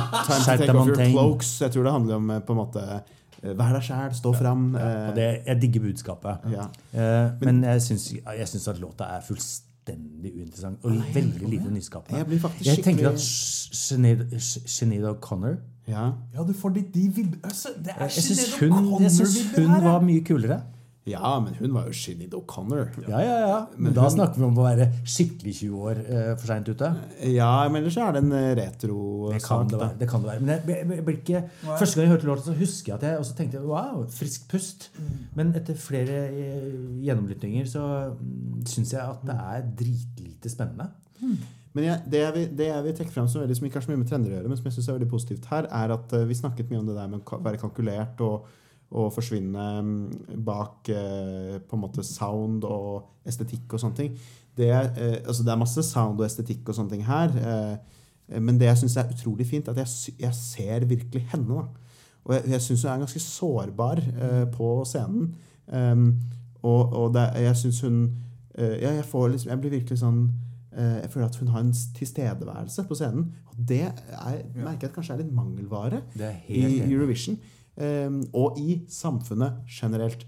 At vi er så opptatt av å brande oss selv nå, både som artister, kunstnere osv. Uh, at vi på en måte, det blir eh, så uh, altoverskyggende at eh, den genuine sårbarheten som handler om å stå på en scene og synge Og hun, Det er krevende sang å synge, hun danser samtidig, eh, og hun eh, virker ikke som på en måte den mest sånn derre selvsentrerte, selvdiggende personen, men hun prøver så godt hun kan å stå og være 'jeg er meg', liksom. Og den, den sårbarheten der, den merker jeg at jeg blir veldig veldig betatt av. Da. Jeg syns hun er knallvakker. Ja, eh, på en helt sånn eh, På en eh, ikke sånn klassisk Ja, måte. litt mer sånn, ja, at det er litt Jeg vil at du skal være kjæresten min, liksom. Men, men, men det er godt at du sier det, Simen. Fordi jeg, jeg tror jeg mener sterkt at jeg finner låta veldig uinteressant. Men dama spennende, og stemmen spennende. Um, men jeg er helt enig i at hun framstår som sårbar, autentisk. Og at det i seg sjøl er jævla eh, verdifullt i en eh, strømlinjeforma konkurranse. Så yes, amen. Jeg Er med på den. Amen. Men det blir nok ikke en eh, Hun skal, kommer jo ikke, hun, skal jo ikke- ikke, hun skal jo ikke hit. Hun skal jo ikke til Rotterdam. Hun skal ikke til Rotterdam. Nei. Men, uh, Men vi kan jo dra over dammen, han har sagt. Og eh, besøke- og besøke henne. og Vi kan dra over dammen og besøke damen. og, og liksom bare prate med henne om verden. Det fikk jeg lyst til, faktisk. Ja, jeg gråte med henne. Og det er sant, og det er kjempeviktig. Ja. Eh, Jeg glemmer det perspektivet noen ganger. Eh, Jeg blir så sugd opp av melodien eller teksten eller det. Konkurransen. Konkurransen. Men, men eh, av alle de vi har sett på, eh, i forhold til hvem jeg hadde lyst til å Bli venn med. snakke med og høre historien til Du må ikke glemme så, han, han fra Makedonia, da. som, som var så utrolig glad i seg selv. så tror jeg kanskje at Montagne kommer høyt opp på lista. Ja, nei, Jeg har også lyst til å bare sitte og ta en øl med hun der. Og så sitte og preike og, og, og, Fikk kanskje sitte på Bondi Beach ja, og røyke marihuana. med Bondi. Beach og røyke en ganjaman med, med min med, med kjære Montan. min- Og, og, min og, så skal og så skal jeg lage skal skal jeg virkelig Jeg skal lage noe god mat, og vi skal ha gode samtaler utover kvelden. Og vi skal skjenke rødvin og øl, og det, det der blir koselig. Det gleder jeg. Montan, gled deg! Og så, så drar vi på hotellrommet vårt og sover. Ikke sant? Det er sånn det handler om. Det Med henda opp på dyna. Henda over dyna, ja. Så skal ikke være så mener at man drar hjem på hotellrommet sitt og onanerer i sitt Men vet jeg, føler at hun, føler at hun er sånn eh, Hun er en sånn venn man eh, møter i parken på en søndag, og så sitter man rolig i parken og, og, og prater om litt sånn fine ting Jeg med tror hun er en god lytter. Ja. Og, og, jeg, jeg, og jeg, gleder meg til å, jeg meg til å dele perspektiver på livet med henne. For nå snakker vi om at jeg er litt forelska. Jeg. Jeg, skal- jeg skal ærlig Ja, si jeg er litt forelska. Om bare, bare, bare forelska mennesker kan klare å lire av seg etter å ha sett henne tre minutter på en stor stadion. Jeg tror hun er en god lytter. Lykke til med det sjekketrikset. Hun er en god lytter, og det skal jeg si til henne. Det skal Jeg si. Jeg tror du er en god lytter. Prove me wrong. Og så er det throw another shrimp on the Barbie, da, din Ja. Nei, men eh, da har vi sett de fem bidragene. Det var jo ikke, det var kanskje ikke den mest tighte lista det her i forhold til trender, men det er jo et tema som på en måte gjelder alle låtene, på et vis. Så man kan eh, Vi har jo stadfestet hva trender er, så alle vet Det er noe som kommer og det går. er noe som kommer og går. skal vi, bare, vi kan bare høre han en gang til, Ja, så vi bare får minnet oss selv på hva det er. Nå hører vi han en gang til her. Trend er noe som kommer og går. For eksempel i fjor så var det veldig moderne å liksom eh, gå på kafé, spise salat i, drikke hvitvin. Det er ute nå. Nå skal man spise biff og drikke pils igjen, for eksempel. Ja. Men skrekkscenario er jo at vi alle ender opp som han derre Sten. Ja, ja. Sånn litt sånn godt opp i middagshøyden så sitter vi og er eksperter alle sammen. Fordi, altså, for, dere som lytter, for dere som lytter på det, dere hører det jo sikkert på stemmen hans, men han er jo en gammel mann som sitter der med, bre, med sånn tjukke sånn derre Han sitter sånn med sånn Og sånn skulderpuster og sånn. Han sitter med sånn sånne Jan. P. Syse-briller. han ser litt ut som Einar Førde. Og både Jan P. Syse og Einar Førde hadde faktisk smartere ting og bedre one-linere enn Helge Steen. som var det og går. Ja. Ja. Du er nå her som eh, ekspert eh, kalt inn fra NRK. Eh, inn Kan du, kan, kan du fortelle oss noe om hva, hva, hva som kjennetegner trender? Ja, En trend er noe som kommer og går. I fjor for eksempel skulle alle drikke hvitvin og sitte på kafé og spise salater. Det er ute nå. Helge Steen. Ok, Nei, vi trenger flere eksperter, Ja. ikke minst Eurovision-eksperter. Det er derfor eh, og tolv poeng går til bruker en eh, kveld hver uke på å spre ekspertkommentator. vi prøver Eh, kom, kom, hva heter det for noe? Eh, kommentarer. Ja. Altså der hvor, der hvor eh, amerikansk politikk Det, er går, jo, det går jo inflasjon i eksperter på amerikansk politikk. Ja. Men det er ikke så mange Eurovision-eksperter, så vi tar den, vi. Vi tar den. Jeg skal komme med mitt bidrag straks. Wow.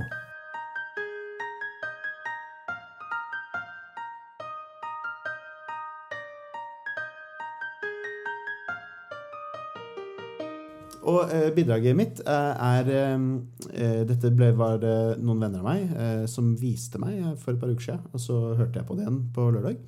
Eh, som er en litt morsom sak som ble laget til, eh, til Eurovision i Israel eh, eh, i eh, 2019. Og eh, da var det eh, en, et, eh, noe som heter Sweaty Machines, som er et, en blanding av artister og eh, eh, programmerere, altså datanerder, da, på en måte, som lagde en eh, AI, altså en artificial intelligence, eh, som, eh, og samlet inn alle Eurovision-låter som noensinne er laget. Eh, og jeg har researchet litt her og prøvd å finne ut akkurat hvordan de gjorde det. Jeg, jeg ser for meg at de har kanskje det er ikke sånn at de bare putta alt inn i mølje. De har kanskje tatt tekstene, og så har de tatt melodiene, da, for eksempel, og så har de produsert litt etterpå. Sånn at det, men i hvert fall, de har prøvd da å få en AI til å lage eh, eh, The Ultimate. The Ultimate Eurovision-sang. Så her er det på en måte der eh, Vi snakker om Billie Eilish-trend, eller denne trenden, eller denne trenden. Her er det på en måte alle Eurovision-trender noensinne kulminert inn i én låt. Um, og det er jo da De har fått, uh, fått med uh, også um, han uh, sangeren som eh, Som vant eh, eh, første gang for Israel i 1978, altså Ishar Cohen. Ja, Ishar Cohen. Ja, det er han som har uh, Abanibi, eh? Men det er også han som har Halleluja. Ja, ikke sant? Var det han som hadde den største bulgen også? Ja, han tror jeg er kongen av Bulge. Kongen av bulge. Kongen av- kongen Han, bulge. eh, så de har, eh, de har en datastemme som synger eh, noe av teksten her, og så det, har de fått da Itzhak Cohen. Til å synge noe av det. Kult. Og så er det produsert sånn at det Låta er produsert oppå her, da, sånn at den har litt, litt moderne sound. Men melodien og teksten i hvert fall er da en kul- kulminasjon av alt. Eh, og eh, eh, den er produsert av samme produsent som lagde den Toy, Netta, som vant Ja, før. Israel. Så vi kan jo høre, rett og slett høre denne låta. Den er bare, den er ikke noe musikkvideo, så vi bare hører låta. Og den heter Blue Jeans and Bloody Tears. Og her kommer den.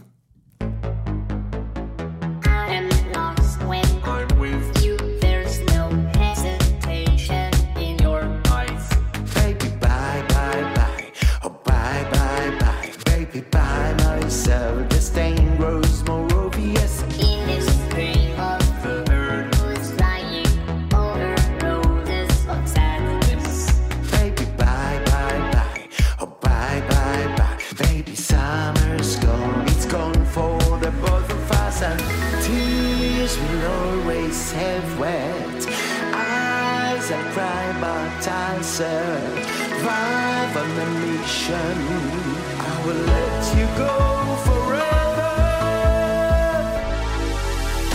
Blue jeans and bloody tears. Blue jeans and bloody tears. There's no life without your life in misery. Blue jeans and bloody tears. Don't give up on precious. Blue Jeans and Bloody Tears. Det var noe sånn underfundig vakkert i teksten. Don't break my heart, it's powerless. Og there's no life without your life in misery. Det var noe sånn derre det, altså, altså, det er jo Og jeg tenker jo på Og jeg får jo alltid det bildet av den der stakkars roboten som sitter og sitter da i en haug med skruer og sitter og holder et annet robothue og er litt sånn hamlet på det. Jeg, jeg føler liksom robotens ønske er jo bare 'Jeg vil være som et menneske'. At det er liksom det der. Så er det et eller annet fascinerende ved å ha en sånn ecstasy-låt gående, gående, og samtidig egentlig føle seg rett dratt inn i eh, kjernen av uh, nattønsket. Kjernen av det å være menneske og snakke om dype følelser eh, og blande klisjeer. eh. Ja, ikke sant? Ja. Det er jo, eh, altså det er jo Den er jo produsert ganske moderne. Mm. Det ligger litt sånn robot eh, og synter og sånn oppå her. Hvis man tar på en måte vekk det, det eh, hva, hva syns dere dette sier om Eurovision-trender gjennom tiden? Og den skal vi ta på sparket, tenker du? Nei, jeg vet ikke. Jo, men det er jo spennende, da. Jeg, jeg, jeg føler jo eh,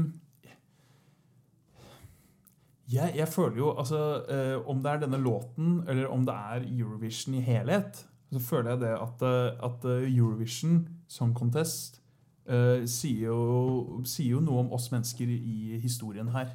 Uh, og vi som deler denne tida sammen. Uh, vi, er, vi er alltid på utkikk, vi er alltid på jakt etter liksom, de nye tinga. Noen av oss blir igjen, noen av oss blir med. Det er alle de tingene her. Men når alt kommer til alt, så er det jo liksom en konkurranse som, som, som snakker til deg fordi den er så samlende og kjærlighetsfull. Eh, og det syns jeg i hvert fall denne låten fanget opp ganske greit. Så synes jeg det, det eh, Jeg syns jo det er en ganske fengende låt, egentlig. Jeg liker den godt. Eh, og jeg syns Når man klarer da gjennom en AI å komme fram til dette, så si, jeg syns det sier noe om på en måte at Eurovision kanskje er en tidskapsel for pophistorien. Ja, helt enig. Eh, og, den, og det har vi ikke snakket om før, egentlig, men at Eurovision startet jo da popmusikk egentlig også startet, eh, på ca. samme tid. Du hadde jo selvfølgelig litt, litt ting før det, men, men eh, hvis man sier med Elvis og liksom ungdomskultur, da, og den typen popmusikk eh, kom opp i dagen, eh, så kom også Eurovision og har liksom tatt opp i seg mange forskjellige eh, populærkulturtrender, og dette er kanskje måte kulminasjonen av det hele. da. Og da er vi jo tilbake til eh, temaet for denne episoden, trender. Hvor mm. oppstår de? Hva kommer først? Høna eller egget? Hvem er det som på en måte får snøballen til å rulle? Og hvordan er det vi påvirkes av inntrykkene rundt oss? Som jeg syns er den vakre kjernen i Eurovision Song Contest. At 40 land møtes. Eh, og så Og prøver så godt de kan. ja, både prøver så godt de kan, men også lar seg påvirke av hverandre. Og så skjer det noe nytt da, på sitt aller beste. Og så kommer jeg til å tenke på en annen ting eh, når du spiller av dette her. Ja, det er en fengende låt. Jeg får nesten lyst til å avlegge deg et lite besøk i forhold til kommersialisme, selvfølgelig, Simen. Jf. vår lille Disputt. disputt tidligere i kveld. For dette er jo kommersialisme satt i system, eh, hvor du Ja. både bruker kunstig intelligens, summen av eh, populærkulturen, og lager det ultimate. Noe mer kommersielt er det jo ikke mulig å få det. Og så tenker jeg samtidig at eh, det kommersielle og klisjeene sier noe om det dypest menneskelige i oss. Eh, Så den balansegangen syns jeg er vanskelig. Og så har jeg bare lyst til å nevne to andre ting. Eh, Fordi eh, Nå husker jeg ikke året, men vi bidro, med, bidro jo med Adjø. Og Jahn Teigen og Anita Skorgan eh, en eller annen gang. Er det noen som husker årstallet? Nei. Nei. Eh, det, er, altså, det er faktisk ingen som husker det årstallet. Altså, det er ingen i verden 80, som husker det. Tallet. Eh, vi skal finne ut av det. Vi har sikkert en eller annen lytter som ja, ja, ja. kommer til å kommentere dette. Vi er gått litt sånn tom for kunnskap her nå. Men den låta ble produsert med engelsk ekspertise. Fordi Norge hadde gjort det så dårlig i så jævla mange år. Så en eller annen professor 1993 tiltak. Ja. Og en eller annen professor som jeg heller ikke husker navnet på, kom liksom fra England og sa dette er harmoniene, mm. dette er tekstlinjene som treffer. Herodes så, Falsk og Jahn Teigen som skrev det sammen? Så adjø skulle være det første forsøket Norge gjorde på å selge seg inn kommersielt for å vinne eh, Melodi Grand Prix. Så Det det, er, minnet søtt, meg om det, dette her. ja, det er jo litt søtt da, at på den tida fordi nå skjer jo det hele tida, men man, man går da mye mer til populærkultur og ser på kule låtprodusenter og sånne ting. Og ser hvem som, hvem som produserer bra låter for, til topplistene rundt omkring i land. Mens på den tida så går man til sånn We're going to Oxford! Man skal ha sånn En professor professoren, som, professorene visste de vet hvilke best. harmonier som, som treffer eh, Jeg ser for meg masse sånn, sånn gamle gøy, da. briter som står, står med sånn labfrakker. Men den låta, melodilinja, traff jo og gjorde det ganske bra i Eurovision eh, den gang. Og så har jeg nevnt det før, eh, apropos det å få artificial intelligence til å lage en låt, eller summen av. Jeg syns også at det pausenummeret Jeg har nevnt det før, jeg tror jeg nevnte det sist, eh, fra Petra Amade og Mons Semløv eh, i Malmö, også tar summen av eh, Eurovision på kornet. Ja, jeg syns det, jeg synes det er kostelig. Bra. Men det var en digresjon, da. Ja, ja, ja, du spurte jo om Nei, Vi eh, bare skal snakke om det en gang, det pausenummeret. Og så skal det bli god stemning her igjen. Jeg er nok bare ikke så enig med deg. Nei, det er helt i orden. Jeg tror kanskje jo- at de som hører på denne podkasten, har fått med seg at vi har eh, litt ulike innfallsvinkler Ja, til en del ting. Men det er det som gjør oss så utrolig fine, fine også, sammen, er det ikke det? Ja, jeg får håpe det. da. Ja, får håpe Vi skal gi, slutte med å gi poeng. Johan, Ja. dine tolv poeng. Uh, Og, og ti og åtte, da. ja. Altså, jeg vil jo gi eh, Jeg vil starte med mine uh, åtte poeng. Jeg vil gi det til en tilfeldig Jeg vil gi det litt mer til sånn folket. Uh, så jeg tenker at jeg skal gi bare én ute i folket der. Eh, Thomas 33 skal få åtte poeng av meg. Ja, En 33-åring som heter Thomas. En 33-åring som heter Thomas. Som er søkende. og Er han singel, han Singel er på Tinder. Ligner fryktelig mye på en som har vært med i eh, Melodi Grand Prix før. Ja. Er ikke litt av poenget at han ikke er singel? Men at Ja, han grei, ja, at han ikke- opererer som singel? Ja, opererer, eh, som, opererer som singel på Tinder. Thomas 33 uh, får, uh, får eh, mine åtte poeng i dag. Ja. Ja, ikke sant? Ti Eh. poeng går til eh, Går til eh, Går til Billie Eilish. Ja. Eh, for jeg, er, jeg liker henne veldig godt. Jeg liker også det hun står for. Jeg liker også det at hun tar litt sånn kontroll over, over på en måte og eierskap til det hun har skapt, og hennes arv, som nå kastes ut i eh, popverdenen. Eh, men at hun, eh, hun, hun hviler ikke på laurbæra. Hun vil fornye seg sjøl.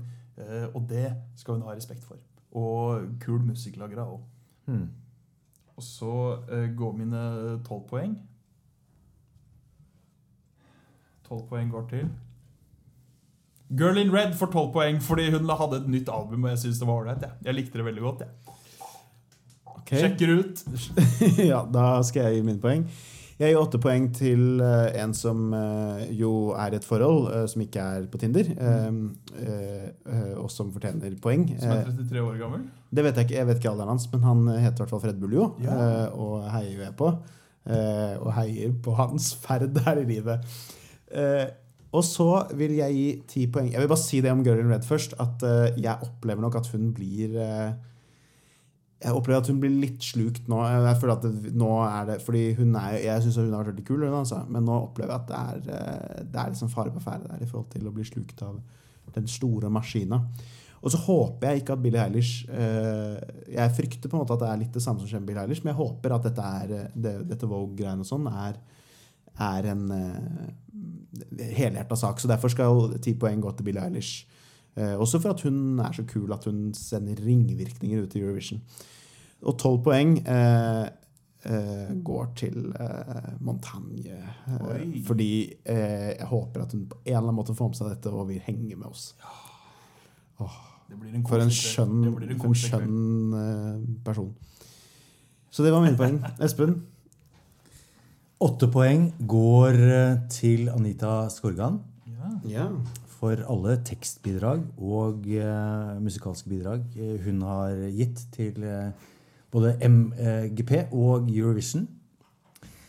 Ti poeng går til Maria Haukås Mitte og Sverre Kjelsberg. De skal få lov til å dele den poengsummen. Jeg skulle jo ønske at jeg da kunne gi dem 20, så de fikk 10 hver. Ja.